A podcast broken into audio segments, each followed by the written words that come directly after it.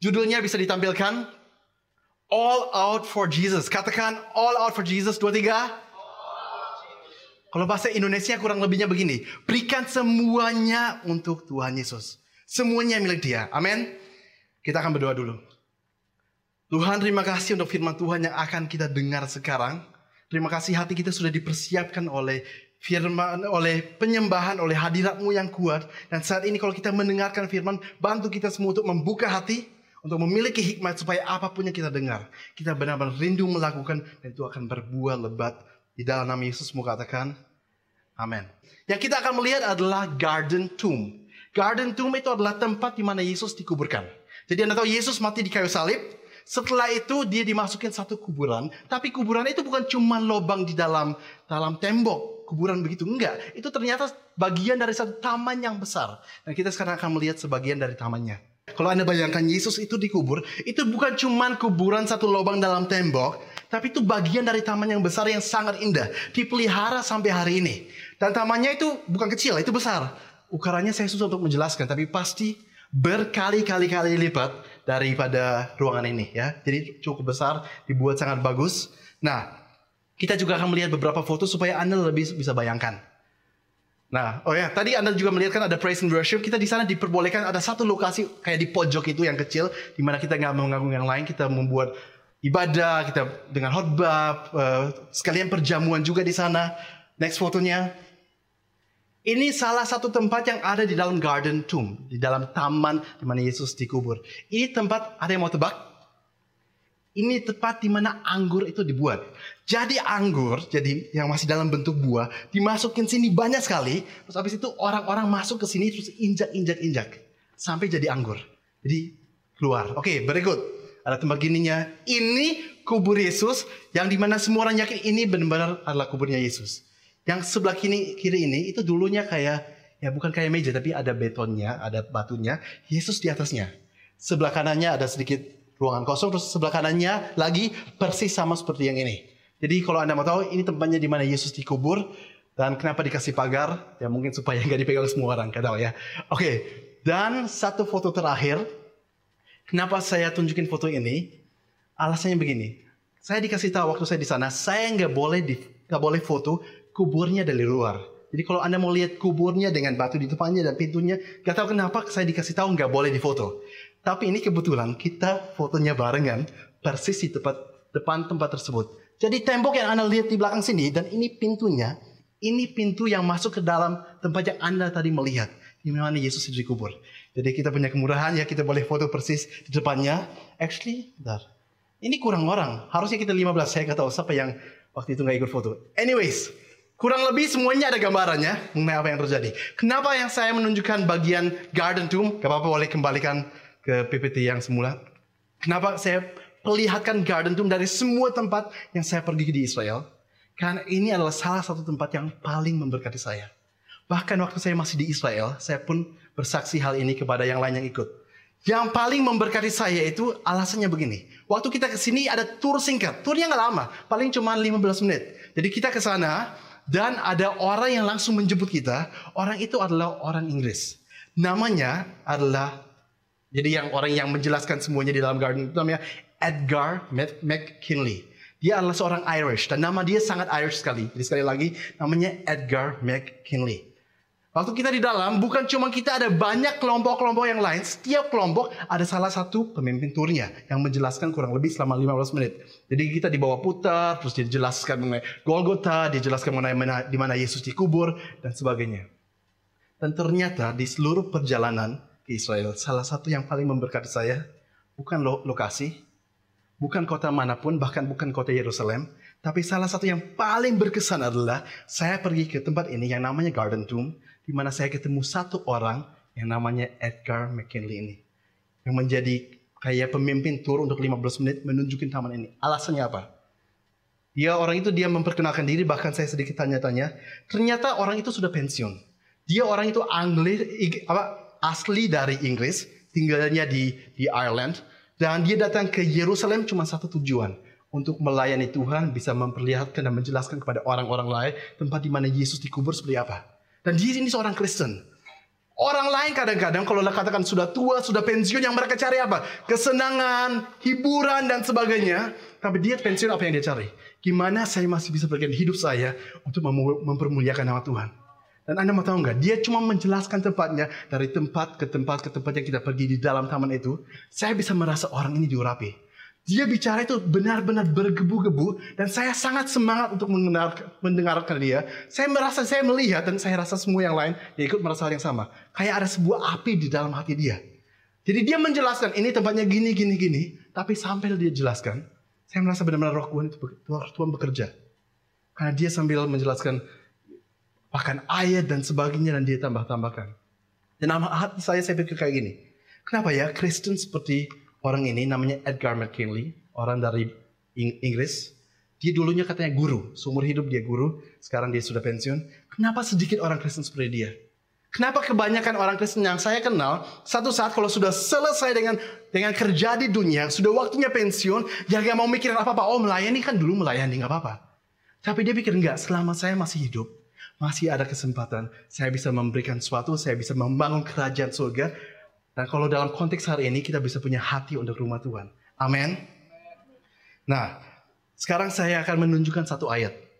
Saya rasa ayat ini sering kali menjadi alasan kenapa kita hidupnya nggak mirip seperti Edgar McKinley. Jangan salah ngerti, saya nggak katakan di sini nggak ada yang seperti dia. Tapi saya yang saya melihat, yang saya perhatikan, kekristenan pada umumnya jarang ada yang seperti dia. Oke, kita melihat Markus 4 ayat 18 dan 19. Saya minta tolong mulai sekarang dalam khotbah ini Anda banyak bikin catatan. Kalau enggak saya yakin banyak akan kelupaan. Sedangkan semua yang akan saya jelaskan, saya yakin benar-benar bisa memberkati dan mengubahkan hidup Anda. Oke, kita akan melihat ini dari khotbah Yesus di mana dia masih bicara mengenai seorang penabur. Beberapa minggu yang lalu pernah saya bicara mengenai perumpamaan yang sama, tapi saya pakai ayat yang lain. Waktu itu ayat yang saya bahas adalah Yesus menabur, uh, ada orang menabur benih, ada yang di tanah yang keras, ada di tanah yang berbatu-batu. Yang saya bahas waktu itu tanah berbatu-batu. Hari ini tanah yang berikut yang akan saya bahas. Dikatakan Yesus begini. By the way, ini seluruh yang kita baca sekarang itu dalam versi ISH. Jadi kalau Anda buka Alkitab terjemahan baru, di sana perkata-perkatanya sedikit beda. Ini ISH Indonesia sehari-hari. Alasannya karena saya merasa lebih gampang untuk dimengerti. Dikatakan begini, benih yang jatuh di tengah semak berduri itu ibarat orang-orang yang mendengar kabar itu, mendengar firman Tuhan, Anda dan saya. Tetapi khawatir tentang hidup mereka dan ingin hidup mewah.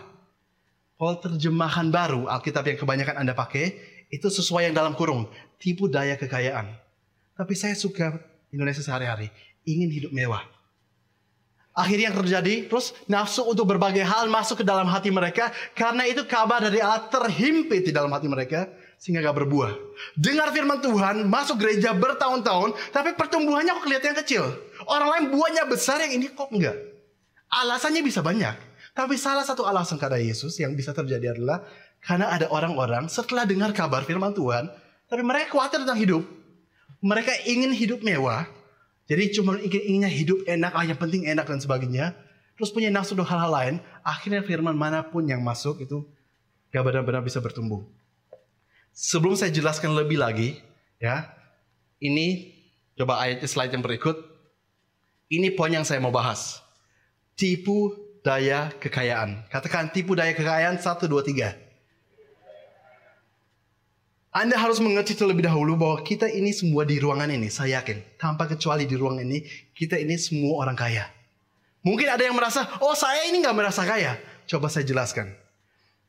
Miskin di dunia ini artinya kalau seandainya antara hal-hal yang saya sebutnya, kalau nggak ada makanan cukup tiap hari, atau kalau nggak punya baju yang nggak rusak, atau kalau nggak punya air bersih yang menjadi akses kita, atau nggak punya tempat tinggal yang layak, atau nggak punya tempat tidur sendiri. Kalau kita alami salah satu dari hal ini, maka di dunia ini termasuk golongan miskin. Dan di dunia ini ada bukan satu miliar, miliaran orang yang alami hal-hal yang saya sebut, bukan cuma satu hal yang saya sebut, berbagai hal yang yang saya sebut di sini. Dan saya yakin kita semua di sini tanpa kecuali semuanya tidak mengalami yang ada di sini.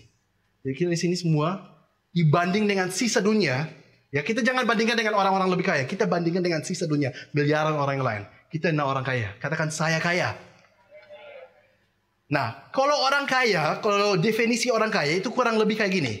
Kalau tiap hari bisa milih baju lain untuk yang dipakai.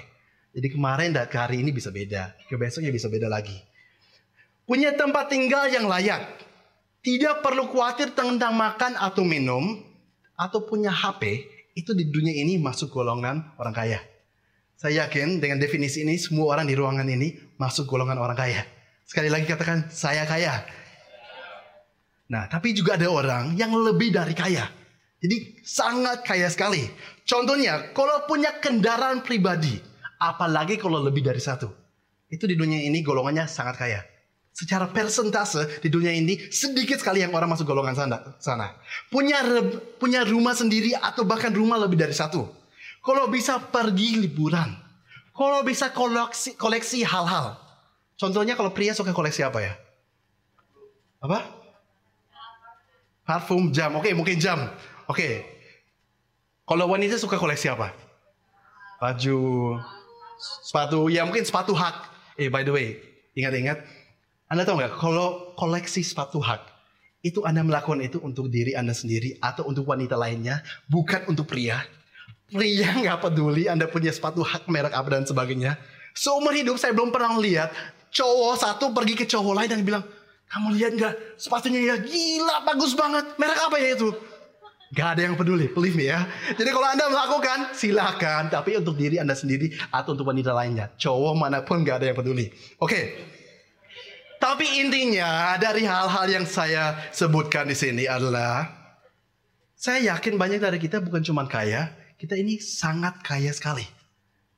Dan ada pesan khusus untuk orang yang sangat kaya sekali yang Tuhan berikan. Tapi pesannya kita bahas nanti. Tapi kita harus sadar dulu semua katakan saya kaya. Nah, tapi jujur aja, walaupun banyak dari kita di ruangan ini, kita ini orang kaya, tapi kita nggak puas kadang-kadang dan punya ada punya aja alasan untuk mengeluh. Sedangkan orang lain mungkin di Syria, mungkin di Venezuela, mungkin di Peru dan bagian negara dunia bagian dunia bagian Ya, Anda mengerti maksud saya, oke? Okay? Mereka bisa makan aja kenyang dalam sehari. Mereka mereka bersyukurnya setengah mati. Tapi kita cuma dengan berapa hal aja kita nggak puas dan kita bisa mengeluh terus. Kenapa demikian? Bisa slide berikutnya. Kenapa walaupun kita begitu punya begitu banyak dibanding yang lain orang-orang di dunia ini, kenapa kita sering nggak puas, mengeluh dan sebagainya? Karena ini. Yang sebelumnya, yang satunya, yang ini. Karena khawatir tentang hidup, karena ingin hidup mewah, karena punya nafsu untuk berbagai hal. Itulah tipu daya kekayaan. Walaupun sudah diberkati, walaupun sudah punya banyak, tapi yang namanya tipu daya kekayaan gak pernah akan puas. Jadi jangan sampai kita jatuh di sana. Dalam artian, kita puas dengan Tuhan saja. Tuhan mau memberkati seberapa pun terserah, tapi dengan Tuhan saja kita sudah puas. Kalau kita butuh hal lain untuk puas, percayalah sampai kapan pun gak pernah akan cukup. Anda tahu nggak, sangkin kita ini kaya, ya, semua termasuk saya, semua di ruangan ini, sangkin kita ini kaya, kita punya masalah tersendiri. Masalah yang saya berikan kategori ini adalah namanya masalah orang kaya, ya, kategori sendiri. Ini masalah yang cuma dialami orang kaya. Contohnya gini, naik kendaraan, entah itu motor atau mobil, tapi pas naik kendaraan justru banyak marah-marah atau emosi. Pernah ada yang alami? Karena mungkin diserobot, karena eh, karena banyak hal lainnya. Orang lain bersyukur saatnya bisa punya kendaraan, kita sudah punya. Malah marah-marah. Masalah orang kaya, ya kan? Benar nggak? Atau ini, punya HP, kita sudah bayar untuk kan punya kartu XL atau M3 atau apa pun juga kita sudah bayar. Sekarang kita merasa punya hak. Sinyal jelek, kita ngamuk-ngamuk emosian. Benar nggak? Ya pergi ke satu tempat, mau telepon, koneksinya nggak enak. Marah-marah, hati kita nggak tenang. Itu masalah orang kaya. Orang miskin gak akan HP aja gak punya. Makan aja dia sudah bersyukur. Kita sudah diberkati lebih, malah banyak alasan untuk marah-marah. Gak semua, kadang-kadang gereja lain biasanya ya. Oke. Okay? Masuk kafe zaman sekarang tapi nggak ada wifi. Kafe zaman sekarang nggak ada wifi. Ash. ya, ya, Ash ini anda bisa artikan sendiri ya. Ada yang pernah merasa gitu nggak? Masuk satu tempat, zaman sekarang harusnya ada wifi nggak ada malah marah. Ya, itu masalah orang kaya, ya enggak? Oke, berikut ada apa lagi? Pergi ke lemari pagi hari, buka lemari, penuh dengan baju. Lihat, lihat, lihat. Gak ada baju yang saya bisa pakai. Ya kan? Itu masalah orang kaya. Orang lain punya baju cukup aja. Bersyukur. Ya masih di bagian itu miliaran orang yang gak bisa punya baju yang cukup. Masalah orang kaya. Atau gini, bahkan di gereja sering alami, termasuk saya sendiri, masalah orang kaya. Saking kita biasa kadang-kadang makan yang enak, selesai dari satu acara, kita mau pilih makan, pilihannya begitu banyak pun, kita nggak tahu mau makan apa. Ya enggak? Ada yang pernah alami nggak? Selesai ibadah, kumpul-kumpul dengan teman, mau bahas mau makan apa, butuhnya setengah jam baru keputusan. Kadang-kadang karena saya kan suka ikut makan tiap kali kelompok lain, kadang-kadang satu jam lebih belum tahu mau makan apa. Sudah ambil keputusan, saya sudah dengar, saya siap-siap, pas ketemu lagi, tempat lain lagi yang dipilih. Itu masalah orang kaya. Orang lain bisa makan aja, apa pun di rumah sudah puas. Jadi percayalah kita semua di sini orang kaya, katakan saya kaya. Ya ini penting untuk kita semua mengerti. Tapi masalahnya gini, sering kali kita nggak puas. Dan itu adalah tipu daya kekayaan. Kalau ditanya orang, kapan kira-kira kamu puas, uangmu seberapa kamu puas, pasti jawabannya selalu sedikit lagi. Seberapa berapapun gaji dia atau yang dia miliki, dia pasti merasa bisa lebih. Gak puas. Gak semua orang seperti itu. Gereja lain biasanya kan. Kalau di sini gak ada. Atau ditanya, oke okay, ya udah gaji yang oke okay berapa supaya kamu puas? Seandainya gaji saya dua kali lipat, tapi sejujurnya banyak orang hari ini di sini gajinya hari ini bukan cuma dua kali lipat, mungkin sudah lima kali lipat dibanding dulu masih aja mempuas. Karena kalau itu yang kita kejar, itu yang dimaksud tipu daya kekayaan. Yang Yesus bilang hati-hati. Kalau kita sudah masuk ke dalam sana, firman mana, firman mana pun yang kita dengar, kemungkinan besar nggak akan bertumbuh. Alasannya apa dan contohnya apa, kita akan melihat habis ini. Terus kadang-kadang kita mikir juga kayak gini, oke, okay, kalau seandainya ya, saya fokusnya hanya dikejar karir dan uang saya banyak dan sebagainya, saya bakal merasa aman. Saya punya security. Saya mau katakan itu tipuan iblis yang sebesar-besarnya. Security, keamanan itu cuma ada di dalam Tuhan. Tidak khawatir akan hari esok. Itu cuma kalau saya berharap pada Tuhan. Gak ada sesuatu pun yang lain. Kalau harapan saya pada uang, percayalah kita akan kecewa. Katakan amin. Saya kenal banyak sekali orang dan beberapa juga dari mereka itu teman saya. Mereka sendiri tahu apa yang mereka lakukan sekarang itu bukan kena Tuhan. Bahkan mereka tahu ini bukan panggilan saya. Bicara panggilannya itu bukan harus menjadi seorang pendeta. Satu orang dipanggil jadi dokter. Satu orang dipanggil jadi guru. Apa pun yang Tuhan mau Anda lakukan dalam hidup Anda, itu panggilan Anda. Amin.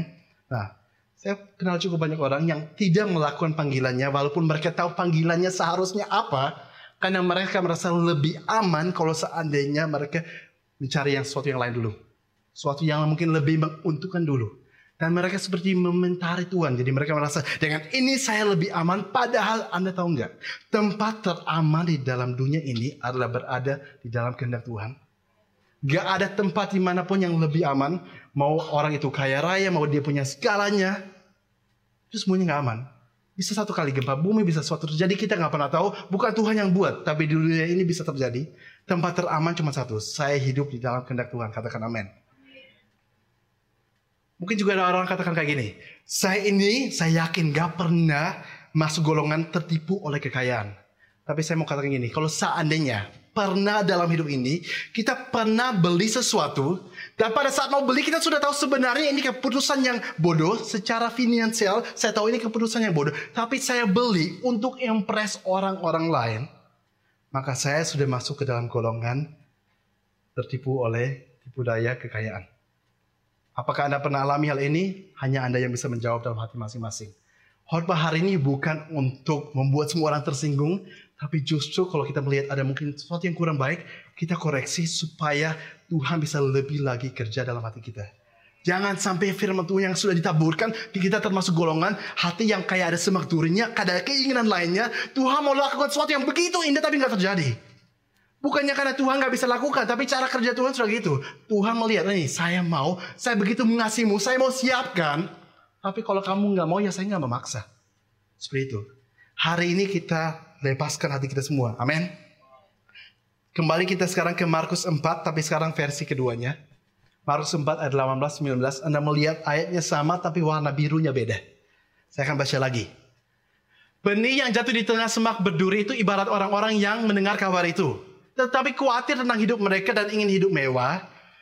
nafsu untuk berbagai hal masuk ke dalam hati mereka. Karena itu, kabar dari Allah terhimpit di dalam hati mereka sehingga tidak berbuah.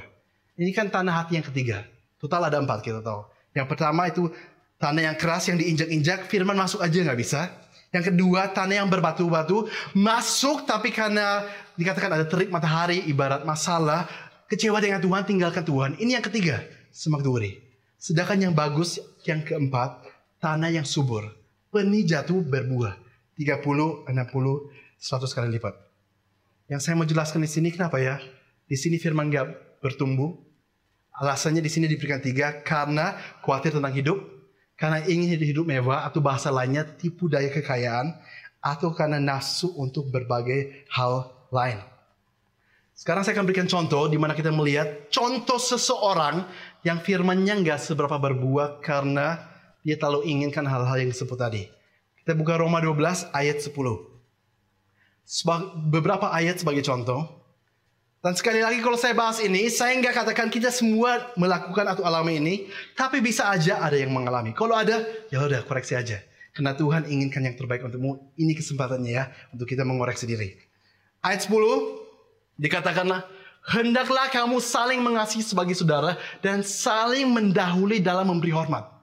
Saling mendahului dalam memberi hormat. Saya suka di sini bahasa terjemahan aslinya atau bahasa Inggrisnya juga mirip dengan aslinya. Di sana dikatakan outdo one another in showing honor. Artinya begini, berlomba-lomba untuk kamu lebih menunjukkan hormat kepada orang lain, menghargai orang lain. Jadi bukan cuma saya ketemu orang lain itu menghargai, saya akan berusaha menghargai melebihi dia bisa menghargai saya. Itu bukan karena lomba karena saingan, tapi karena kasih Tuhan begitu adalah hati kita, terpancarnya seperti itu. Tapi jujur, berapa banyak orang karena kedudukan mereka, atau karena prestis, atau karena gelar, atau karena pekerjaan dan banyak hal lain sebagainya, mereka nggak bisa menunjukkan hormat atau atau menghargai orang lain. Malah merasa dia seharusnya lebih menghargai saya karena posisi saya, karena prestis saya, karena kedudukan saya. Bukankah kayak gitu? Tapi kita ini di dunia ini bukan hidup sesuai budaya yang ada di negara masing-masing, tapi budaya kerajaan surga. Orang lain itu dia mau kedudukan seperti apa pun, pekerjaannya mau jauh lebih rendah dari kita, karena Tuhan kita harus berlomba-lomba lebih menghargai orang lain. Kalau orang itu penuh dengan pride, pekerjaannya bagus, uangnya banyak, akhirnya dia sudah sangkin tertibu, firman Tuhan ini nggak pernah dilakukan. Pasti. Jadi firman Tuhan walaupun dia dengar, ayat ini sudah sering sekali dengar, dia tahu harus menghargai orang lain, tapi terhimpit karena hal-hal lain yang telah terjadi dalam hidupnya. Saya pernah dengar, saya pernah membaca Tom Hardy. Ada yang pernah dengar nama Tom Hardy? Angkat tangan. Oke, okay? sebagian. Ini seorang actor. Mungkin ada yang pernah nonton Batman, dia yang menjadi Bane. Ya, Tom Hardy saya nggak tahu dia orang Kristen atau enggak. Dan banyak barusan menjadi Venom, yang nonton film Venom, oke? Okay? Itu Tom Hardy. Saya nggak tahu di Kristen iya atau enggak, tapi dia katakan sesuatu yang memberkati saya. Saya minta maaf, saya nggak tampilkan karena saya baru keingat kemarin tengah malam. Dia katakan kayak gini, I was raised to treat the janitor with the same respect as the CEO. Saya dibesarkan untuk menunjukkan hormat atau respect kepada seorang tukang pembersih sama hormatnya seperti seorang pemimpin. Itu yang dia katakan. Terus saya pikir-pikir masuk akal juga. Sebab kalau saya cuma bisa menghormati orang-orang yang kedudukannya lebih tinggi dari saya, berarti saya ini cuma cari muka. Itu bukan asli saya yang sebenarnya. Sebenarnya nggak mau menunjukkan rasa hormat, tapi karena dia lebih tinggi ya udah Cari muka aja ya kan? Jadi saya katakan benar juga. Muhammad Ali ini juga nggak ditampilkan baru. Ini malah barusan teringat tadi pagi waktu saya dalam perjalanan ke sini. Kadang-kadang Roh Kudus bisa ingatkan mengenai hal-hal yang pernah kita dengar. Muhammad Ali pernah katakan begini. I don't trust someone who is nice to me but rude to the waiter because they would treat me the same way if I were in that position. Saya ini nggak percaya dengan orang. By the way, Muhammad Ali saya jelaskan. Dia seorang boxer yang terkenal sekali zaman waktu itu dulu. Dia waktu itu yang terjago di seluruh dunia. Jadi 20 tahun yang lalu satu dunia semua mengenal Muhammad Ali. Saya cuma mau pengen lihat aja. Yang hari ini tahu nama Muhammad Ali coba angkat tangan ya. Oke, semua ternyata sampai hari ini masih semua kenal. Jadi bahasa Indonesia dari yang dia katakan begini, saya ini nggak percaya dengan orang yang baik kepada saya, tapi kalau kepada waiter rude, rude bahasa Indonesia? Um, kasar. Kejam, kasar. Karena kenapa? Seandainya saya di posisi itu pasti dia juga rugi saya. Jadi orang seperti itu saya nggak percaya. Ya masuk akal. Muhammad Ali saya tahu dia memang bukan orang Kristen. Tapi ada hal-hal dari, dari hal yang dia katakan dan orang lain katakan yang kita bisa yang bisa memberkati kita. Bagaimana kita treat semua orang tanpa kecuali itu penting sekali. Jangan sampai karena hal-hal budaya, kekayaan dan sebagainya itu membuat kita gak melakukan firman Tuhan. Saya pun Bukan untuk pamerkan, tapi saya yakin hampir semua di sini lakukan hal yang sama. Tapi saya bersaksi aja. Kalau saya pergi ke mana pun, mau itu saya ke dalam mall, ketemu orang cleaning service, ketemu orang di dalam lift, elevator yang bisa pencet tombol, pasti saya akan berusaha untuk saya super sopan kepada mereka. Bahkan dengan hati dan dengan senyum saya akan bilang terima kasih. Karena mungkin itu berharga bagi mereka. Karena sering kali mereka sehari yang kerja, sehari melayani, gak ada yang anggap mereka. Tapi saya yakin, dan ini saya dari hati, ini saya yakin. Saya yakin kebanyakan dari sini melakukan hal yang sama. Dan itu hal yang bagus. Tepuk tangan untuk diri Anda sendiri. Berikut ayat 11. Benih, janganlah hendaknya kerajinanmu, kerajinanmu kendor, biarlah rohmu menyala-nyala dan layanilah Tuhan. Ini salah satu ayat yang sering kali saya melihat orang ini yang sangat terlalu banyak kejar karir, mereka abaikan ayat ini. Mereka katakan, jadi mereka bahkan sampai membohongi diri sendiri. Mereka bilang, oh iya seharusnya saya melayani, tapi Tuhan mengerti hati saya kok. Kalau seandainya saya kejar karir dan saya kerja lebih banyak, kan saya lebih banyak bisa memberi kepada Tuhan. Jadi dalam hati sendiri, mereka harus menipu diri. Oh nggak apa-apa, oh nggak apa-apa, saya nanti bisa lebih banyak memberi. Gak apa-apa, gak apa-apa. Anda tahu nggak, memberi itu kategori sendiri. Yang namanya anak Tuhan, kita semua generous, kita semua memberi. Tapi Tuhan mau bahwa bukan cuma memberi, kita juga memberikan hidup ini untuk melayani Tuhan. Melayani kerajaan surga, orang-orang yang membutuhkan, membangun rumah Tuhan, apa pun supaya nama Tuhan dipermuliakan. Kita bekerja itu bagian dari pelayanan kita, yes. Bagian kecil. Tapi selain itu, apakah kita beritakan Injil, Apakah kita melayani orang lain, kita punya waktu untuk orang, kita melihat orang dalam kesusahan, kita punya waktu untuk datang ke sana, mungkin mendengarkan, bicara dengan orang itu. Kita di dalam gereja, apakah kita terlibat? Kita melayani Tuhan itu bisa banyak sekali hal. Jangan sampai kita membohongi diri sendiri dengan alasan begitu banyak alasan lainnya yang yang pasti begini. By the way, Roma ini tulis bukan kepada pendeta.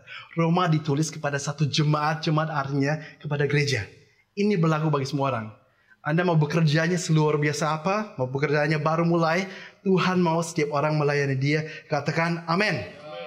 Katakan saya mau melayani. Baru minggu lalu Pastor Iwan Horpa mengenai how David lost the house. Bagaimana Daud itu mengasihi Tuhan dan mengasihi rumah Tuhan. Dan Anda juga tahu bentar lagi tahun depan kita akan pindah gedung.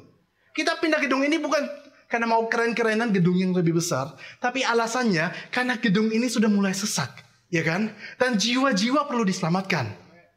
Jadi salah satu persiapan yang kita bisa melakukan untuk tahun depannya kita pindah ke sana. Kita bersiap dari hari ini. Kita jangkau jiwa, kita melayani Tuhan, apa yang kita bisa lakukan, kita lakukan. Amin. Yang terbaik untuk Tuhan semua katakan amin. Ayat 12. Bersukacita dalam pengharapan, sabarlah dalam kesesakan, dan bertukunlah dalam doa. Bertekunlah dalam doa. Saya suka bahasa aslinya. Bahasa Inggrisnya mirip dengan bahasa asli juga dikatakan pray all the time. Terjemahan lain lagi, pray without ceasing. Jadi sering berdoa terus menerus berdoa. Berapa banyak orang yang Anda kenal, mungkin termasuk Anda sendiri, yang gak punya waktu untuk berdoa karena terlalu sibuk harus mencari uang.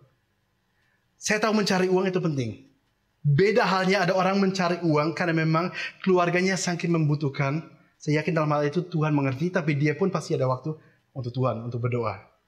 Tapi beda lagi dengan orang yang seharusnya sudah cukup, dan dia masih pakai alasan, oh iya demi saya punya lebih banyak, karena kalau saya punya lebih banyak, saya bisa memberikan Tuhan lebih banyak lagi. Itu sebabnya saya nggak punya waktu untuk berdoa. Dan berapa banyak orang yang seperti itu? Yang gak punya waktu quiet time, gak bisa baca Alkitab, gak bisa renungkan Alkitab, gak bisa berdoa. Dengan kata lain mereka merasa pekerjaan mereka itu lebih ampuh daripada doa. Apa yang mereka bisa lakukan dengan hikmat mereka dan kekuatan mereka lebih ampuh daripada apa yang Tuhan bisa lakukan. Walaupun nggak dikatakan dengan perkataan, tapi itu yang mereka hidupi. Dan itu yang Yesus katakan. Kadang-kadang kalau kita sudah tertipu di sana, bersama Tuhan mana pun, termasuk ayat ini, gak akan berbuah. Karena terlalu banyak semak duri lainnya, dan akhirnya firman Tuhan ditabur, gak ada hasilnya. Saya bisa berikan kesaksian mengenai betapa ampunya doa. Tapi saya lihat waktunya tinggal singkat sekali. Saya akan lompati saja. Ayat berikut, ayat 13. Dikatakan, Bantulah dalam kekurangan orang-orang kudus dan usahakanlah dirimu untuk selalu memberikan tumpangan. Nah ini salah satu ayat. Dari begitu banyak ayat di Alkitab, ini salah satunya. Bantulah dalam kekurangan orang-orang kudus. Ayat-ayat lain memberikan pada saat kamu memberi. Memberikan untuk kerajaan surga. Dan banyak hal lainnya. Ini salah satunya. Bantu orang dalam kekurangan. Anda tahu nggak? Menurut statistik. Ini bukan statistik gereja. Ini statistik di dunia ini kalau orang ini semakin punya banyak uang, sudah dibuktikan secara persentase yang dia berikan itu lebih sedikit. Jumlah yang dia berikan, kelihatannya naik, semakin besar. Mungkin dulu berikan awalnya 10 ribu, lama-lama mungkin 100 ribu. Saya nggak bilang cuma untuk gereja, tapi mungkin berikan untuk apa pun, karena ini orang dunia. Kadang-kadang mereka pun ada charity dan sebagainya. Jadi jumlahnya kelihatannya naik, tapi secara persentasenya, karena hari ini pendapatan mereka jauh lebih, persentasenya jauh lebih kecil. Karena mereka merasa, eh jumlahnya kelihatan besar ya, aku sudah berikan banyak. Tapi sebenarnya apa yang mereka berikan sudah gak ada artinya. Sehingga Yesus pernah katakan, Anda lihat nggak janda miskin ini, dia cuma berikan dua keping perak, yaitu satu duit, dan dia memberikan lebih banyak dibanding semua orang yang lain.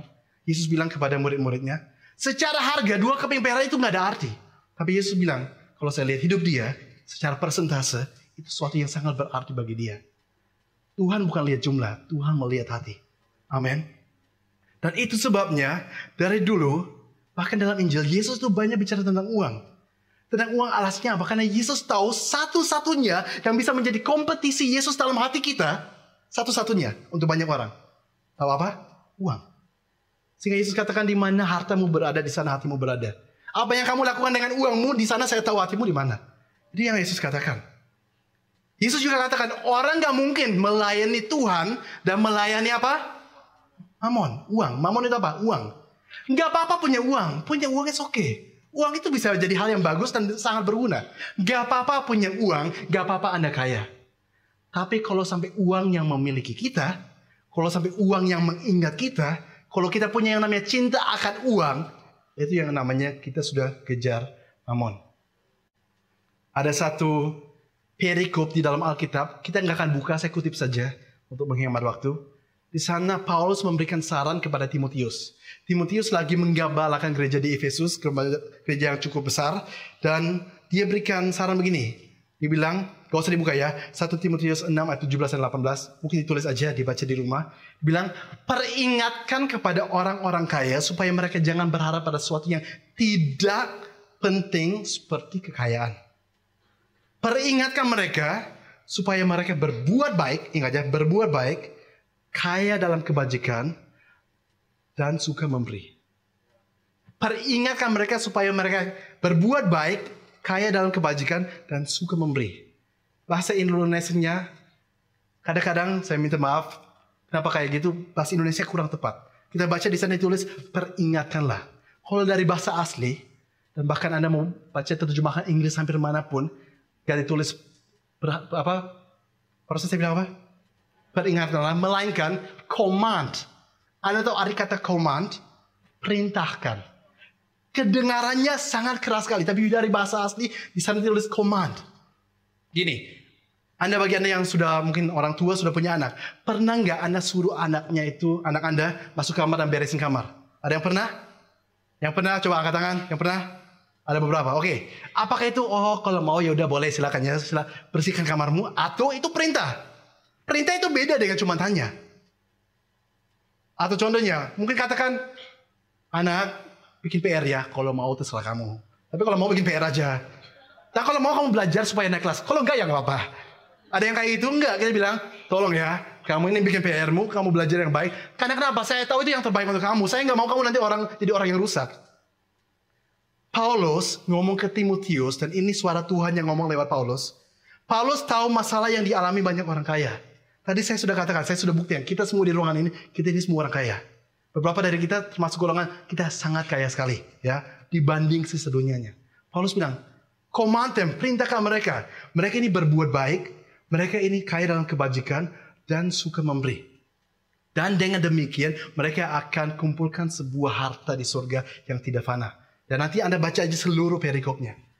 Anda tahu nggak, kalau Paulus bilang perintahkan, Nah kalau seandainya saya nggak sampaikan, karena cuma katakan saya ini pendeta, saya takut untuk sampaikan ini. Nanti takutnya cuma pikir, oh saya ini mau supaya semua berikan uang ke saya dan sebagainya. Enggak.